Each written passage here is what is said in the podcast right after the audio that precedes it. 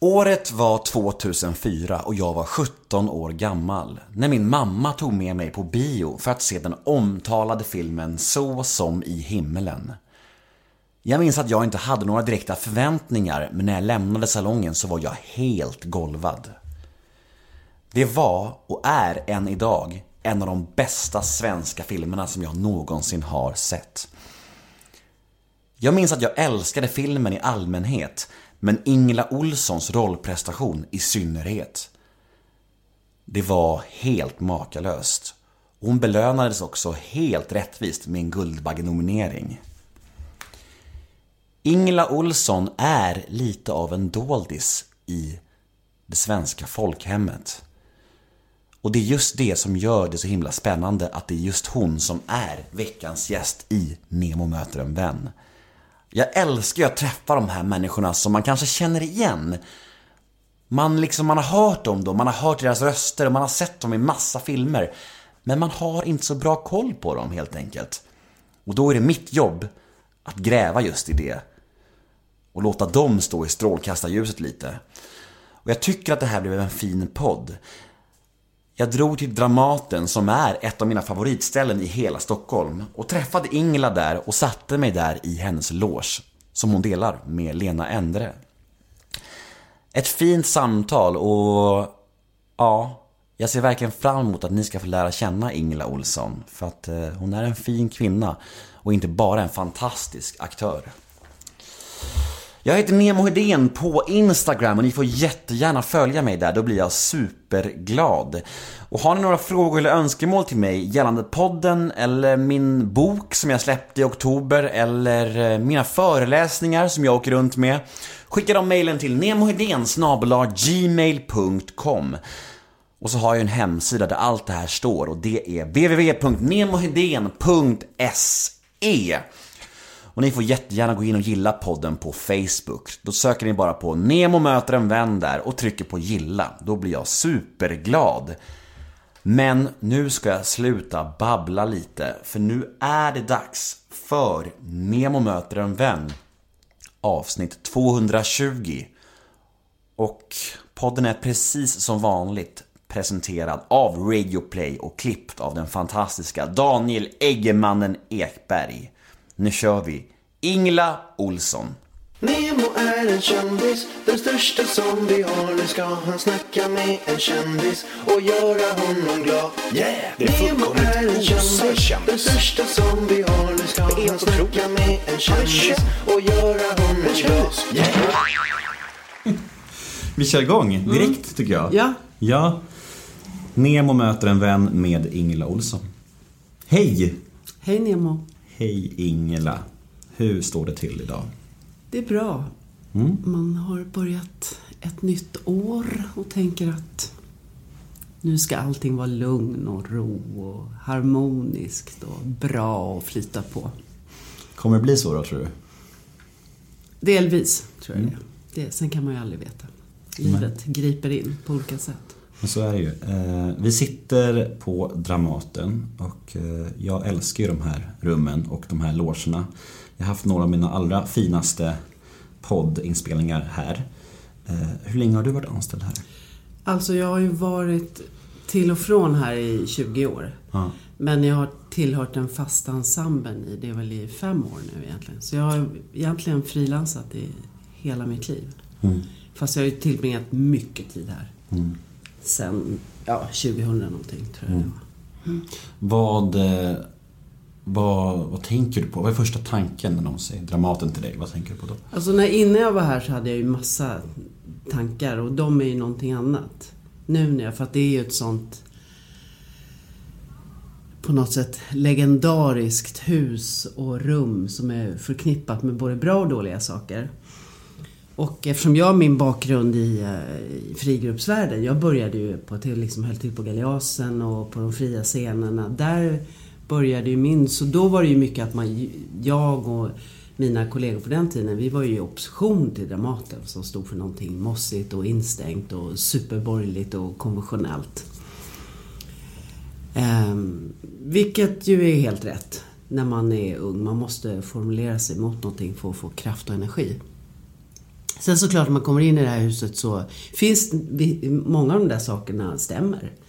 Som det är med alla gamla institutioner. Alltså det, det finns eh, traditioner som både bromsar upp och eh, traditioner som är någonting att ställa sig med fötterna i för att kunna gå vidare och utveckla det. Mm. Så det har ju två sidor nu. När man har kommit innan. När innanför. du, eh, ja, men när du liksom blev anställd här, kände du någonstans i dig innerst inne att du typ sålde din själ till djävulen då lite grann? Nej, nej, inte riktigt så. Men faktiskt, min, det var när Marie-Louise eh, Mm. var chef så frågade de mig. Men vi, då var min eh, instinkt bara, nej, men min konstnärliga frihet. Och så, Mm. därför att jag också alltid har rört mig och jobbat på Stadsteatern, Galeasen, Ole. Jag har alltid haft en Alltså känt mig obunden och ha, ha funnit en, en frihet och en styrka i det där. Mm. Att på ett sätt vara min egen. Men sen sansade jag mig lite till och sa, nej men kom igen, den kom, det hänger inte på det. Jag har hållit på liksom i, då i 35 år. Jag tror att jag kan unna mig att vara anställd. Och jag har ju dessutom tagit tjänstledigt några gånger sen, Mm. under den här tiden. Och sen just den där, eh, som du beskriver, det här ungdomliga, trotsiga motståndsgrejen Ja. kanske just är en ungdomlig grej också. Ja, alltså jag tycker, jag vill ju fortfarande att man ska ha någon slags, jag hoppas att jag har det, något slags bråkigt och någonting som ifrågasätter, eller det vet jag att jag har. I, i, men jag, jag kan lägga det i arbetet, jag kan lägga det i produktionen jag är. Det ser ju annorlunda ut såklart. Mm. När man är 60 än 22. Ja, det är klart. Mm. Eh, när jag berättade för min poddklippare att jag skulle hit och träffa dig, då sa han så här Känns som att hon ofta får spela surkärringar. Ja, jo men det, det... Jag förstår det. Jag förstår det. Jag har ju liksom inte ägnat min karriär åt att spela de här soliga skärmknuttarna. Så har det verkligen inte varit. Surkärringar skulle kanske inte jag, men jag förstår vad han menar. Men det har varit liksom eh, människor och kvinnor som har varit på tvärs många gånger. Som har gått emot och som har varit eh, kantiga och kanske aggressiva och eh, inte så himla bekväma. Ingen man kan sätta bara så i vilket hörn man vill. Nej. Och jag har tyckt om det. Jag har älskat att jag har fått göra dem. Ja, det gör de ju bra. Jag har, ju, jag har ju sökt upp det där också. Ja. Jag har ju sökt, sen har jag gjort andra grejer också, men det är klart det är det som, det som syns. Och det där går lite, delvis tillbaka till liksom mitt ursprung och på Galeasen där vi... Vi hade ingen uttalad politisk vision på det sättet, men det var väl ändå att vi kände att det är alltid samma människor som höjer rösten liksom på kan, till exempel Dramaten. Vi vill ge röst åt andra typer av personer, andra samhällsklasser, andra yrkesgrupper, andra... Och det där, jag har det fortfarande starkt i mig liksom. Att försöka hitta en komplikation i, i de människorna jag är ålagd att gestalta. Mm. Jag har en liten liknelse här som jag ska se om, om du köper. Vi får se. Eh, jag har lite samma känsla nu som när jag träffade Ann Petrén. Ja. Eh, en otrolig skådespelerska, både du och hon. Eh, och ni har väldigt kända Alltså ansikten och jag, och jag tror alla människor skulle känna igen er om de såg er. Men kanske inte lika många kan nämna era namn. Ja, det stämmer. Ja. Det, Det finns någonting där, eller hur? Ja, Ja. tror jag. Tror att det är... Alltså jag kan inte tala för Ann, men, Nej. men jag vet att det gäller för mig. Ja. ja. Så vad bra att den, den flög då. Min, min, ja absolut. Det är någonting du trivs eller mer medvetet tror du eller? Alltså jag vet inte. Jag, det kanske delvis är så när man lever större delen av sitt liv på teatern Mm. och inte liksom i eh, film och TV som har en helt annan, även om jag har gjort det också ganska mycket genom åren. Men det är ju här jag har, alltså på scenen jag och då är det ju ett begränsat ändå antal människor, en begränsad exponering än om du är med i en massa TV-serier. Sen är jag ju aldrig med i några sådana här frågeprogram eller några sådana grejer. Har du fått frågan? Ja, men det intresserar mig inte. Nej. Jag förstår inte poängen. Så att, eh, ja. Skulle du göra Let's Dance för 10 miljoner? 10 miljoner för mycket pengar. Jag, äl- jag, jag, jag älskar hur Mina- ansiktet ändrade form där. Mi- Mina barn skulle bara säga Ja, gör det! Gör det och köp det där huset i Frankrike sen. Gör det. Ja, det är en hypotetisk fråga. Det är en svår men, fråga. men jag är inte... Nej, jag vill... Jag, vill, eh, jag är intresserad av skådespeleri. Mm. Och det är där jag, det, det jag vill göra liksom. Mm. Jag har, tycker inte att det andra intresserar inte mig så mycket. Men du sitter här hos mig nu. Ja, men vi ska ju prata Mm. om... eh, Jag gör ju intervjuer och sådär. Men jag, jag hoppas ju att vi pratar med varandra om Mm. teatern och skådespeleriet och livet också så, såklart. Mm. Vad har du för eh, relation till intervjuer överlag? Nej, men jag har ju lärt mig att hantera det, tror jag. Jag tycker det är, alltså är det en bra intervju så är det ju intressant ibland för att man tvingas att formulera sig själv och vad man tänker och var man står och vilka förhållningssätt man har till olika saker. Sen ibland blir man ju trött på sin egen röst och man gör mycket, mycket saker. Tycker du att det är svårt att hitta balans, eh, balansgången mellan privatliv och arbetsliv? Nej, Nej. jag tycker inte Är den tydlig? Ja, alltså så tillvida att jag inte tycker att det är... Jag har ju liksom alltid haft barn i hela mitt liv och jag har en stor familj och jag har två barnbarn och att liksom inte jag tycker att det konkurrerar med varandra på något sätt. Eller att Nej. det är, jag får en fråga, hur gud har du kunnat ha tre barn och jobbat flera grupper och du har jobbat så mycket och... Jag vet inte. Det där har aldrig varit någon konflikt för mig. Nej. Eh, Sen det här med gränsen privat, alltså konstnärligt är jag ju intresserad av att på ett sätt sudda ut den här gränsen mellan det privata och, scenen. Att det inte är så tydligt att jag inte blir någon helt annan för att jag går in på lilla scen. Mm. Utan jag vill liksom ha kvar mig själv. Mm. Eh, Men det är ju en liten, en annan sak. Du känns inte som... Du jag vet inte, jag kanske har fel här, men du känns inte som en sån som vi kommer få se i Stjärnorna på slottet. Jag, sä- jag säger ingenting, eh, så har jag ingenting sagt, men jag tror inte det. Nej? Okej. Eh, då får vi se. Man vet ju aldrig om framtiden, så är det ju. Vi vet ingenting. Vi Nej. vet bara om det som händer idag. Det har man, när man är 60 år har man lärt sig det, att Precis. livet tar sina olika vändningar. De kanske ofta också kommer med 10 miljoner i handen. Nej, jag skojar bara. 60 år. Ja. Född i Nybro, Småland. Ja, I Kalmar egentligen, men jag bodde i Nybro. I Smålänning, absolut. Mm. Vad, vad vet du om din födsel? Själva förlossningen. Mm. Alltså att den var, mamma var jätteung, hon var 18 bast och det var jättelångt och jättejobbigt. Hon var ensam och ingen var där. Och, Sorgligt. ja. Det var ju så på den Pappa satt utanför och, rökte liksom. Det var ju så Fan, på den alltså. tiden. Ja. Kontraster Ja. mot nu alltså. Det var ju liksom, när man tänker på den tiden, det är som att man... Jag är född 58. Det är liksom en annan... A lot can happen in the next three years. Like a chatbot may be your new best friend. But what won't change? Needing health insurance. United Healthcare Tri Term Medical Plans are available for these changing times. Underwritten by Golden Rule Insurance Company, they offer budget friendly, flexible coverage for people who are in between jobs or missed open enrollment. The plans last nearly three years in some states, with access to a nationwide network of doctors and hospitals. So, for whatever tomorrow brings, United Healthcare Tri Term Medical Plans may be for you. Learn more at uh1.com. Ryan Reynolds here from Mint Mobile. With the price of just about everything going up during inflation, we thought we'd bring our prices down. So to help us, we brought in a reverse auctioneer, which is apparently a thing. Mint Mobile unlimited premium wireless. Ready to get 30, 30, bit to get 30, bit to get 20, 20, 20, bit to get 20, 20, bit to get 15, 15, 15, 15 just 15 bucks a month. So, Give it a try at mintmobile.com slash switch. $45 upfront for three months plus taxes and fees. Promo rate for new customers for limited time. Unlimited more than 40 gigabytes per month. Slows. Full terms at mintmobile.com. Helt annan tid. Mm. Berätta om din mamma. Hon har precis fyllt 80. Hon bor kvar i Småland. Jag, min, jag har ju ingen som helst eh, bakgrund som har med teater eller konst att göra. Det finns ingen i min familj eller min släkt eller som har hållit på med det här. Så det var ju en sån här ouppnåelig dröm för mig. Och också tror jag, just därför apropå min mamma, det var nog väldigt så här, eh, abstrakt för henne och för pappa, han lever inte nu men då. Att, vad gör hon där uppe? Hon hade ju så himla bra betyg. Hon skulle ju kunna bli läkare eller advokat eller något annat. Och så, Ska hon inte skaffa sitt riktigt jobb? ja, precis. Så att det, det fanns nog en. Men sen med åren så insåg de väl att det är så här.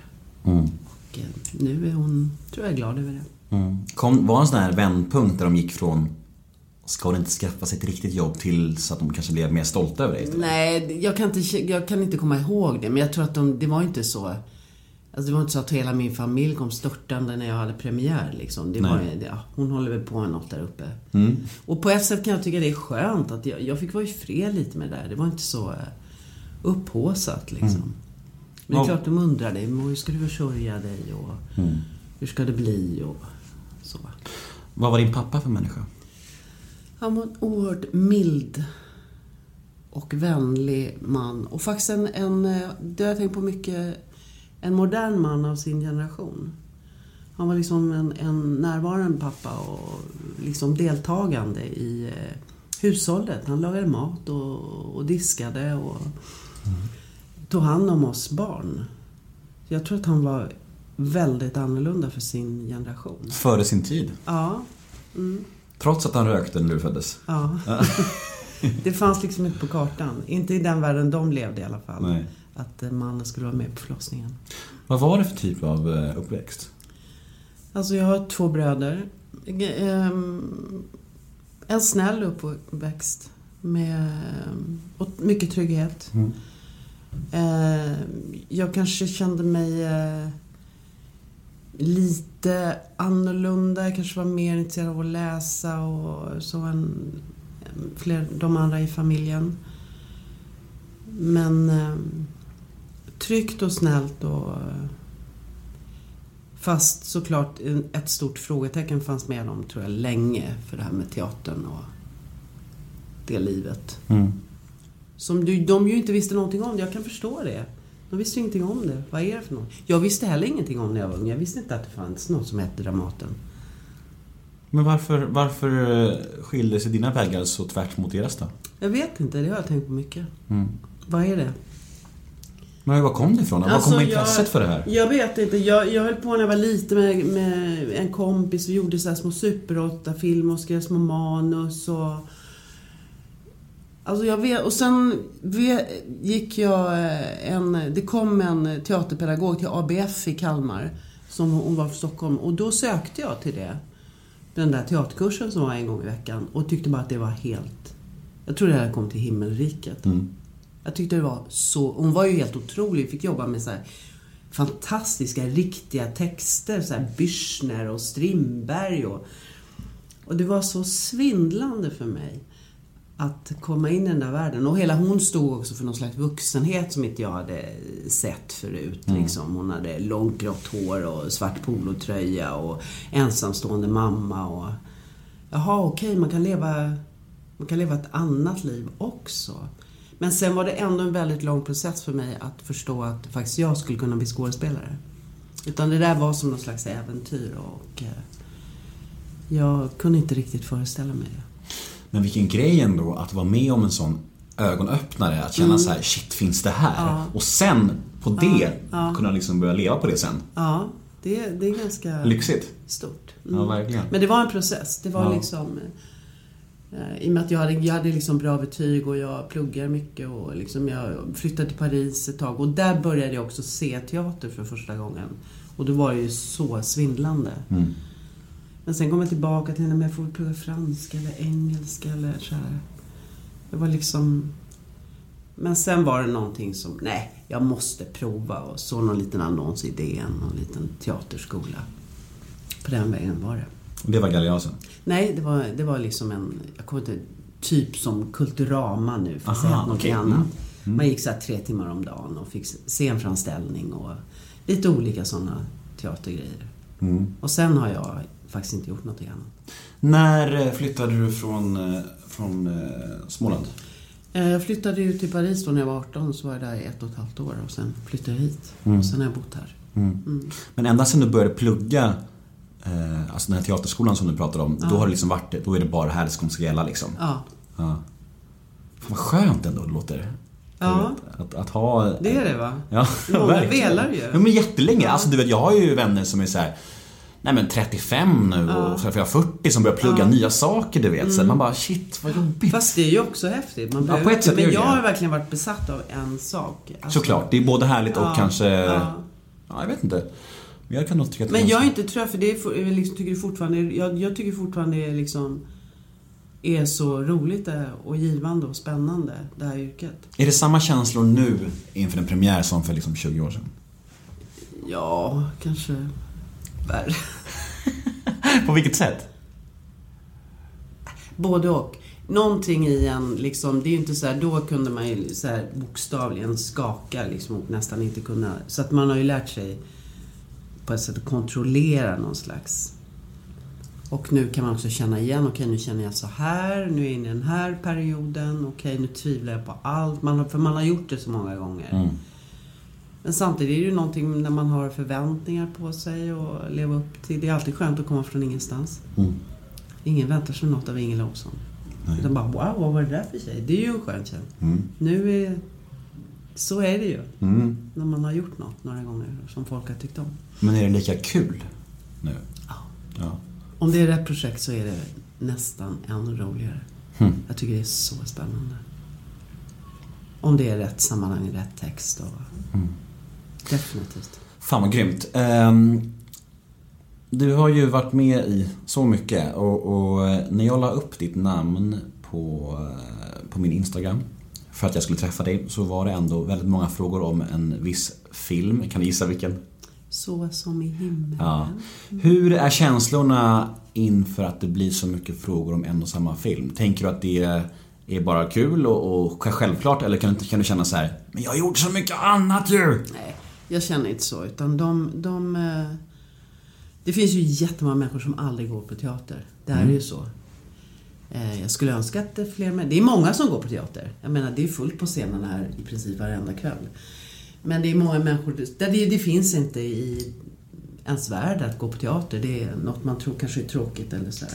Så att om, om eh, någon, har kunnat, någon eller några eller många har fått del av eh, det jag försöker göra via den här filmen så känner jag mig ödmjuk inför det och tycker att det är, är speci- Och mer och mer med åren. Kan jag säga. Har du sett eh, teaterversionen av det? Nej. Musikalversionen? Nej. Hur är känslorna inför det? Alltså ingenting, det är väl jätteroligt. Alltså, nej, jag känner inte. Alltså, det, det är jättelänge sedan jag gjorde den här filmen. Mm, 20 år sedan? Ja, nästan. 15? Mm. Ja, nästan. I alla fall eh, 17, Mm. 16. Så att nej, det, är- det, det är väl... Det är inte så att jag tycker att jag äger, äger det där. Du känner inte så? Men jag blev ju förvånad i början att, att det blev så otroligt eh, mottaget och så mycket människor som stoppade en på gatan och ville prata om nu. Och den rullar ju på utomlands. När jag är på någon flygplats någonstans i Europa, slår aldrig fel så träffar jag någon Är det sant? som har sett den här filmen. Otroligt. Ah, the priest wife. Det är helt sjukt. Ja, Och häftigt. ja det är ju rörande. Vad minns du från, från det projektet och den inspelningen? Varför kollar du på mig sådär? Det är speciellt. Det var en speciell inspelning. Nu blir jag ju supernyfiken när du ger mig den där blicken. Det var en speciell inspelning. På vilket sätt? Nej, det var mycket, eh, mycket känslor. Ehm, vi repade väldigt, väldigt mycket. Och, alltså det var både, liksom vi var rätt, i flera, flera veckor uppe i Luleå och höll på med det här. Så det blev liksom både en stark sammanhörighet och ibland en stark känsla av instängdhet. Mm. Hur eh, är Kai Polak som regissör? Han är otroligt eh, envis och ger sig aldrig förrän han fått det han vill ha. Och det kan ju såklart vara ansträngande ibland men jag respekterar det. Liksom, att han har ju rätt att få fram det han vill till sin film. Kände ni, när ni spelade in den, eller kan man någonsin känna att liksom det vi gör nu eh, kommer bli väldigt stort och väldigt bra? Eller är det alltid liksom lite av ett, eh, en överraskning vad som går hem i stugorna? Förstår du vad jag menar? Ja, det är alltid... Det här hade vi ingen aning. Vi hade ingen aning. Nej, det hade vi inte. Nej. Inte jag i alla fall. Nej. För det var bara en roll i mängden. Nej, det var det ju inte därför att det var ett stort projekt och det var en stor filmroll. Liksom, att jag, vi jobbade ju hårt, liksom, fan. Men man har ju ingen koll om helheten heller när man filmar. Alltså, vad blir det här sammantaget? Det vet man, alltså på teatern har man ju lite mer. Det är svårt där också. Men då ser man ju ändå med och man ser sina medspelare. Här är ju, det är ju som skådespelare är ju mer utsatt i, i filmen. För du har mindre koll på helheten än vad du har på teatern. Alltså jag tycker att en sak är väldigt fascinerande. Det är ju att, jag tycker ju väldigt mycket om Så som i himlen. Jag har sett den flera gånger och blir väldigt berörd av den. Eh, uppföljaren eh, blev ju inte så bra. Nej, jag har inte ens sett den. Nej. alltså, jag ska vara helt ärlig. Jag och min mamma lämnade biografen och det gör jag aldrig. Vi lämnade biografen efter drygt 20 minuter. Jag, jag fattade inte vad som hände. Jag blev helt chockad. Men berätta, vad var det som var den stora skillnaden? Eh, jag är ju ingen expert då, men eh, jag Du upplevde... publik? Vad sa du? Du är publik. Ja, verkligen. Eh, Jag tror du sa du är i panik. Och det var jag också kan jag säga. Men det kändes som en fars. Det kändes som en fars och det kändes som en parodi på den första. Det kändes inte seriöst och det kändes jättekonstigt. Och både jag och min mamma bara kollade på varandra. Vi bara, vad är det som händer? För vi hade båda liksom varit så berörda av den första. Ja, och hade massa förväntningar. Verkligen. Dels kanske, visst förväntningar spelar mycket in när man ser film. Nej men det måste ju vara någonting sånt, för den filmen gick ju väl ganska obemärkt förbi tror jag. Supersågad fick den nu också. Ja. Och ingen publik tror jag fick heller. Nej. Men jag tycker det är märkligt när det är liksom i princip, i princip samma casting men ändå samma regissör och så att den blir så annorlunda. Jag, jag har tänkt mycket på det. Och när jag hade hade det här så vill jag fråga dig om... Ja. Men hade har, jag sett den kanske jag hade kunnat säga något, men jag har inte det. du får se den och så får vi ta en ny podd om En några ny, år. En, ny, en, en sån som i himlen-podd. Ja men precis. Eh, vad... Eh, du fick väl också en... en var det en Guldbaggenominering för Ja, en Guldbagge. Jag fick ingen bagge, men jag fick en nominering. Vad tänker du om sånt? Är, blir du glad för det eller är det sånt som egentligen inte spelar någon roll alls? Nej, det är klart man blir glad. Alltså, Ja. då ska jag ljuga om jag inte... Absolut. Blev du ledsen när du inte vann den? Head over to Hulu this March, where our new shows and movies will keep you streaming all month long. Catch the award winning movie Poor Things, starring Emma Stone, Mark Ruffalo, and Willem Dafoe. Check out the new documentary, Freaknik The Wildest Party Never Told, about the iconic Atlanta Street Party. And don't miss FX's Shogun, a reimagining of the epic tale, starring Anna Sawai. So, what are you waiting for? Go stream something new on Hulu. Hey, I'm Ryan Reynolds. Recently, I asked Mint Mobile's legal team if big wireless companies are allowed to raise prices due to inflation. They said yes. And then when I asked if raising prices technically violates those onerous two year contracts, they said, What the f are you talking about, you insane Hollywood ass? F- So to recap, we're cutting the price of Mint Unlimited from $30 a month to just $15 a month. Give it a try at mintmobile.com slash switch. $45 upfront for three months plus taxes and fees. Promo rate for new customers for limited time. Unlimited more than 40 gigabytes per month. Slows. Full terms at mintmobile.com. Nej, men det, är- det, är en speciell, det, det är en speciell känsla. Att eh, man, man kommer till den här tillställningen och så är man en av tre. Man känner sig ju glad att man har fått den här nomineringen. Och så på ett ögonblick så är man liksom någon slags förlor. Alltså det, det, det är så jävla brant det där. Men jag menar, det håller i, den känslan håller i sig en kvart liksom. Men, men det är ett, ett väldigt brant eh, sceneribyte liksom mentalt i en. Vem var det som vann? Eh, Det var Kajsa Ernst. Aha, Mycket bra skådespelare. Som är här på teatern nu. Just det. Och hon är ju faktiskt med i Stjärnorna på slottet just nu va? Tror jag. Det kanske hon är. Det är mer än vad jag vet. Ja, jag tror det. Mm. Eh, Det är mer än vad jag vet. Nej men så det, nej, nej men alla sådana priser och utmärkelser, det, det blir man, man, jag blir glad, glad för det. Men det är klart att det inte spelar någon roll för arbetet och eh, det, det du lägger i projektet du håller på att arbeta med. Men det känns väl som någon slags uppskattning. Jag kan inte undgå att se att du kollat mina tatueringar, gör du det? Ja. Ja, och jag känner nästan lite skam. Jag vill, så ta bort armarna för jag känner lite... lite... Nej men jag blir så nyfiken på vad som står. Bror står det Nova där. är min dotter. Det är din dotter? Ja. Eh, Och så- Bror, är det, ja, är det en kompis Det är eller? bara något... eh, Eller brorsan? Ja, men typ. Det var lite så här trams, ungdomstrams. Ja. Jag levde ganska promiskuöst förr i livet. Eh, Så då gjorde jag mycket tatueringar som var väldigt impulsiva. Ja. Så döm mig inte för hårt. Jag har inget emot det. Det är med att jag är så jävla nyfiken människa så jag försöker liksom... Jag ser bara blickarna Jag överallt. tycker det Det står, står det Carter där? står Nick Carter på min högra arm och det ja. är en sångare i Ja. ett pojkband som heter Backstreet Boys. Som var stora för några, typ Men 15-20 år gud, sedan. som jag tror min dotter var helt galen i. Då kan du berätta för henne att jag har Nick Carter på min arm då.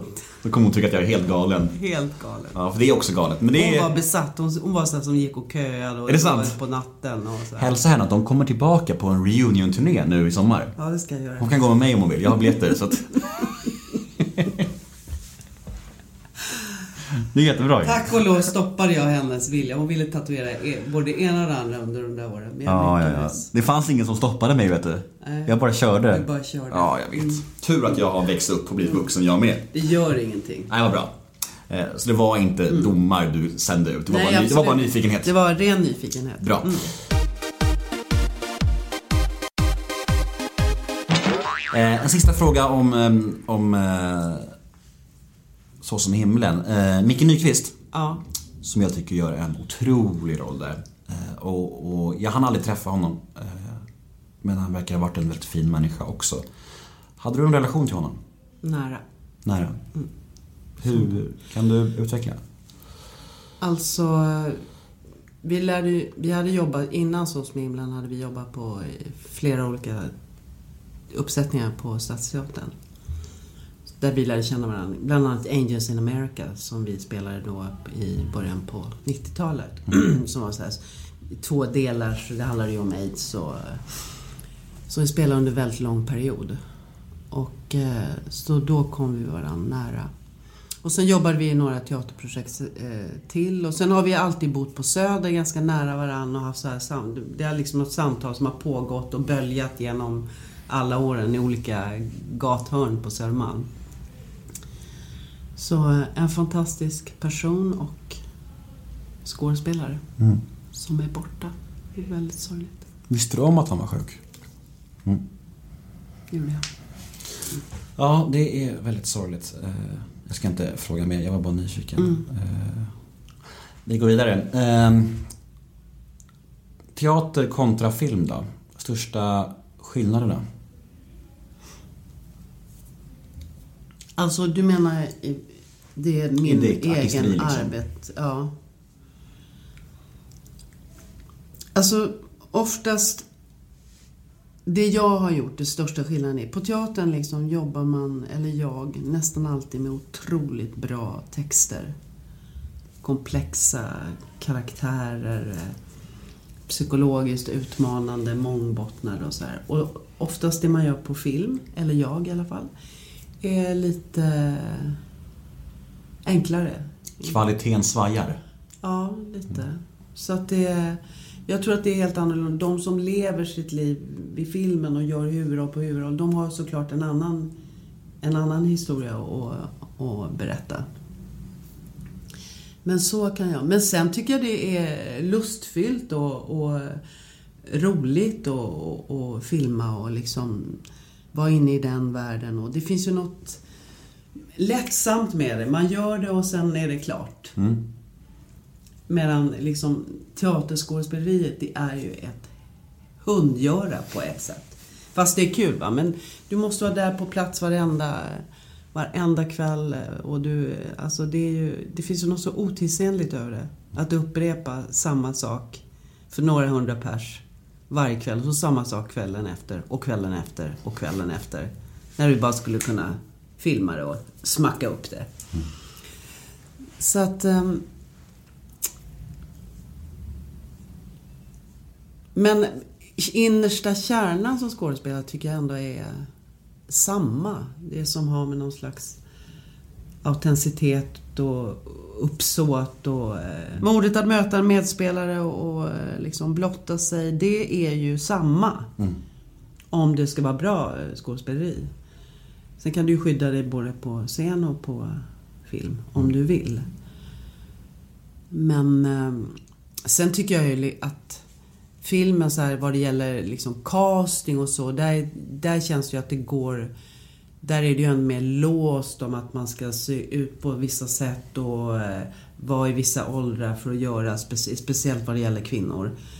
Eh, och det gör mig så jävla irriterad och uttråkad. Och det finns på teatern också, men inte alls i samma utsträckning. Mm. Hur är en bra regissör och vad är mest frustrerande när en regissör gör fel?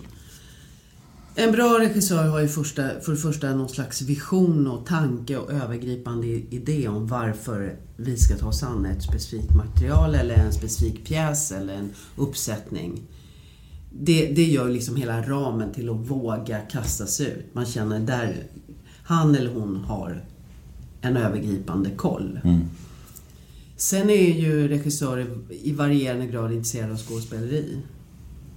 Och det är ju roligare att jobba med de som är intresserade av skådespeleri, som räknar med det som en, en, eh, en kraft eller någon, en konstnärlig kraft, precis som andra i det konstnärliga teamet. Det gör inte alla. Det kanske man tror att alla gör, men så är det inte. Eller så är, och vissa är okunniga, de vet inte riktigt vad man ska säga till eh, skådespelare.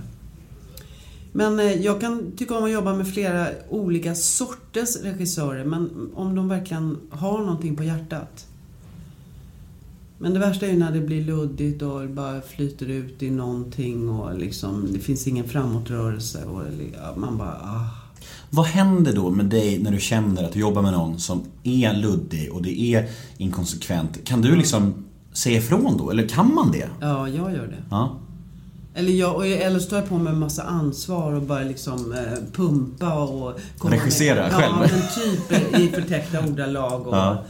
Liksom, eh, och jag menar, det vill man ju också ha, en dynamisk regi- regissör där man kan ha eh, idéer. Jag, jag är liksom en aktiv skådespelare. Jag liksom får själv jättemycket tankar. Jag kan inte göra så här och att det finns en, en öppenhet hos regissören. Det är ju också eh, nödvändigt för att det ska bli ett roligt och givande samarbete. Har du alltid varit så här att du, att du tar för dig? Eller är det något som har kommit med rutinen? Jag har nog alltid varit ganska så här eh, inte så lydig liksom, utan alltid bara... Alltså min känsla när det, om det har känts fel, det har jag liksom alltid fått ta plats liksom. Och jag har alltid släppt ut den. Sen klart med stigande ålder och erfarenhet så kanske man... Man behöver inte hålla på och knipa käften, man bara tjuta liksom. Utan man säger ifrån liksom stopp. Hallå. Det här går inte jag med på. Så att jag tror att jag alltid har haft det, men det, jag har lärt mig liksom eh, säga ifrån lite tidigare. Vi ska prata lite om metoo och tystnadtagning. Vi är ju ändå och snuddar lite på ämnet nu. Eh, Och ehm, hur skulle du säga att den vågen har påverkat branschen? Alltså, jag tänker mer på omgivning och hur folk beter sig så här. Är, är det en synlig skillnad för dig som är mitt i det? Märkbar skillnad liksom? Du menar praktiskt i repetitionsarbetet? Ja, både det och hur, hur män är mot kvinnor och hur män med makt är mot kvinnor och allt liksom. Alltså jag tror att det är det. Jag har inte själv varit i de sammanhangen på ganska länge där jag har känt av det, varken det ena eller det andra. Men, men man märker ju att det finns en, en helt an, en annan lyhördhet liksom. Och en, en eftertanke från eh, manliga skådespelare. Och sen ett visst koketteri och du vet som finns överallt. Och hjälp, nu vågar man väl inte ens och nu får man väl inte ens kramas och allt det där fjantet. Som bara löjligt liksom. Eh, Och sen har ju Dramaten och alla andra teatrar liksom tagit ett krafttag och haft olika genomgångar. Så. Men sådana här så kallade etikpolicies har egentligen funnits i, i åratal. Det är bara att ingen har eh, tagit ansvar för det riktigt. Dramaten blev ju nästan som en måltavla för hela vågen på något sätt. Det blev väldigt så här. Det tror jag är helt orättvist. Faktiskt.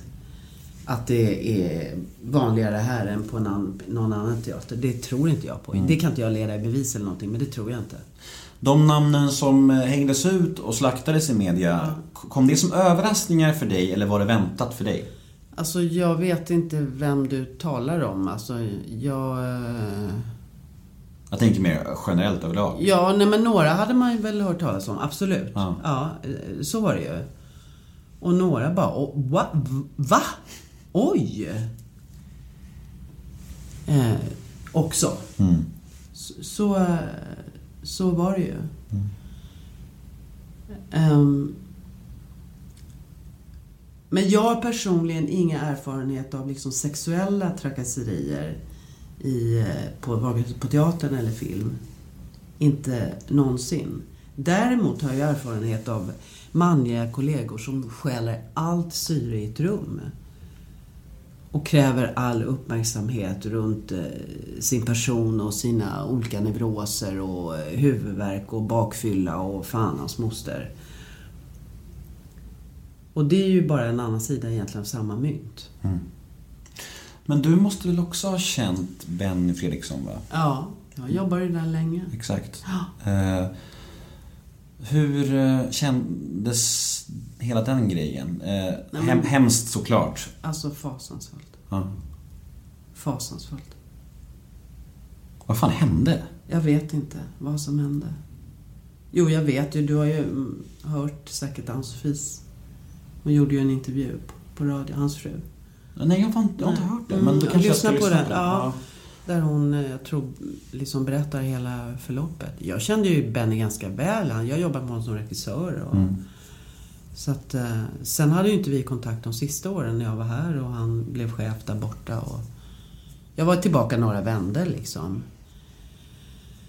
Men ehm, det är så tragiskt bara. Och eh, det är såklart man inte kan skylla Någonting i hans psykologi rämnade av någon anledning. Men det var väl med ett, ett, liksom en ledarstil som folk hade emot där på teatern. Mm. Som de tyckte var auktoritär. Men inte alla. Nej. Det är sorgligt. Mm. Eh, Du vet många av de här personerna som är jämnåriga med mig, jag känner ju så många av dem. Så Mm. det blir ju, det blir ju eh, svårare att liksom bara se en sida. ja, jag förstår det. Mm. Vi går vidare. Eh, vi ska köra lite snabbfrågor nu. Okej. Mm. Är du med? Är du med då? Bästa filmen du har sett? Nej, jag kan inte svara på sånt. Jo, det får du faktiskt göra nu, när du är här. Bästa film. Ja, men säg bara en som har betytt väldigt mycket för dig då. Les enfants du paradis betyder jättemycket för mig. För länge, länge, länge sedan. Mm. Vad slösar du pengar på? Kläder. När gråter du? Ofta. Vad röstar du på? Sossarna. Oftast. Eller vänstern. När blir du svinförbannad? Alltså skitsnack, baktaleri, oärlighet och, och eh, bli för bakom ryggen och... eh, Ja, När får du ångest och hur hanterar du det? jag får ångest när det är någonting med barnen. Mm. Eller min familj liksom. Om någon är sjuk eller ledsen där. Vilken egenskap hos dig själv ogillar du mest? Alltså jag ogillar egentligen att jag har ett sånt jävla temperament. Men det har liksom lugnat sig med åren. Så nu tycker jag kanske att jag har lite lagom nivå på det. Mm. Mm. Vad har du relation till alkohol? Ehm, en eh, harmonisk relation till alkohol. Mm. Mm. Vad skönt. Och så har vi ett segment som heter ett ord om. Som går ut på att jag säger fem stycken svenska offentliga människor. Och du ska säga det första ordet som kommer i ditt huvud när du hör namnet. ja, det är så det funkar här. Okej. I Ja. Nemo möter en vän. Ja, okej, okej. Eh, Ett ord om Alex Schulman. Ironisk. Marcus Birro. Vem är vem av dem? Alltså, Mar- Marcus är poeten och Peter är manusförfattaren. Marcus, alltså högervriden. Sara Larsson. Feminist. Jimmy Åkesson. Fascist. Leif GW Persson. Självgod. Bra svar ändå. Jag, jag, många svarar väldigt schablonmässigt på de här frågorna, de här ett ord om. Så här bara, men du, jag tycker att du gav ärliga svar från hjärtat som du kände. Det var fint. Tack. Eh, vi har lite lyssnarmail, några stycken, som vi ska damma av också. Veckans mail nummer ett. Hej Ingela, vad betyder närvaro för dig? Jag antar att personen menar närvaro på scenen då. Det är att inte ha en... Scenpersonal i den scenen, tack.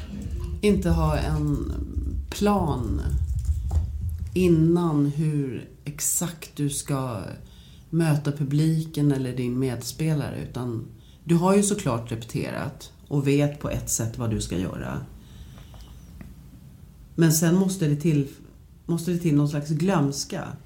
Så om vi kommer in och ska spela sen, då vill jag liksom att vi möter varandra på riktigt i blicken. Och om du gör någonting annat den här kvällen Nemo när vi spelar, då vill jag vara liksom öppen så att jag kan ta emot det. Det är en närvaro för mig. Det är liksom en slags uppriktigt möte. Med texten, med medspelaren, med publiken. Mycket ögonkontakt här och jag blir lite, lite generad. jag är inte riktigt van vid det, men det är bra, bra för mig att öva på. Ja. Så det är bra. Eh, mail nummer två. Hej Ingela, har du jobbat med Ingmar Bergman? Hur var det? Hur var han? Jag har inte jobbat med Ingmar Bergman. Jag har inte ens träffat Karl någon gång. Var han metooig tror du? Nej, det tror jag inte. Alltså i betydelsen eh, kladd, kladd och klafs. Det tror jag inte. Nej. Det har jag aldrig hört om Vad bra. Det har jag aldrig hört om honom. Veckans mail nummer tre. Ingela, berätta om din största svacka i livet och hur du tog dig ur den.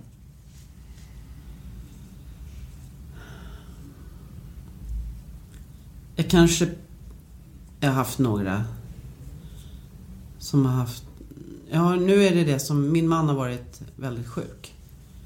Och det har varit enormt tufft. Och för att överleva då så blir man lite praktisk. Och jag vet inte om jag riktigt är ur det, men det har vänt nu i allting är mycket, mycket bättre. Liksom. Så att det... Eh, Men jag tror att jag har någon förmåga att tänka konstruktivt.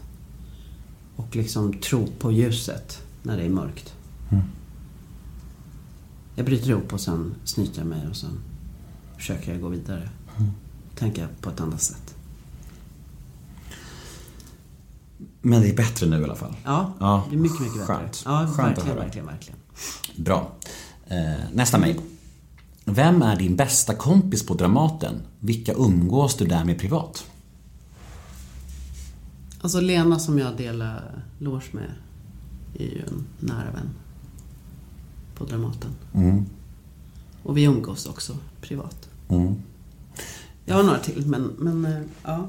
För typ två år sedan eh, tror jag att jag ringde Lena för att fråga om en podd. Men jag, men jag ringde henne på en söndag och hon blev jättestött av det för att det var på en helg. Och då blev hon så stött av det så att hon typ tyckte illa om mig efter det. Jättehemskt. Oj, hon var säkert trött då. Ja, Så du kanske kan säga att jag är ganska harmlös. Ja, det ska, det ska jag göra. ja vad snällt. Eh, Lena är verkligen ingen diva eller... Det tror jag inte heller. Nej. Men det var, kanske var bara en dålig, dålig Det, dag. det, var kanske. nog, det var nog helt fel söndag i så fall. Ja, jag förstår. Ehm, bra, Eh, nästa mail. Ehm, så, hade du någon mer som du umgicks med privat? Ja, alltså... mm, Stefan Larsson, han är ju här, ett- är ju regissör och är ju det. här till och från. Och vi känner ju varandra liksom sen Galeasen-tiden. Mm. Så han är både en av de regissörer som har betytt mest för mig och ehm, också en väldigt nära vän. Mm, jag såg han när han var med i, i Skavlan med, med Persbrandt och jag tyckte att det, Samuel, vill du komma upp och stå och säga tack? det här skänker ju en... Eh, En jag autenticitet. skulle precis säga det, om det ordet. Tack. Eh, Sen har jag ju en eh, som inte är jämt, men Marie Göransson. Mm. Hon är väldigt, väldigt, väldigt nära vän till mig. henne ska jag träffa nästa vecka. Vad roligt. Mm. Det blir mysigt. Många fina Dramatenkvinnor blir det nu. Det gillar jag. Jag tycker väldigt mycket om och som sagt, jag gillar att vara här. Jag gillar verkligen att vara här. Eh, och vad jag skulle säga om Stefan Larsson var att han verkar väldigt, i den här intervjun så verkar han väldigt mjuk och fin. Han var väldigt härlig, tyckte jag. Eh, ja, Han kan också vara stenhård. det kan han säkert vara.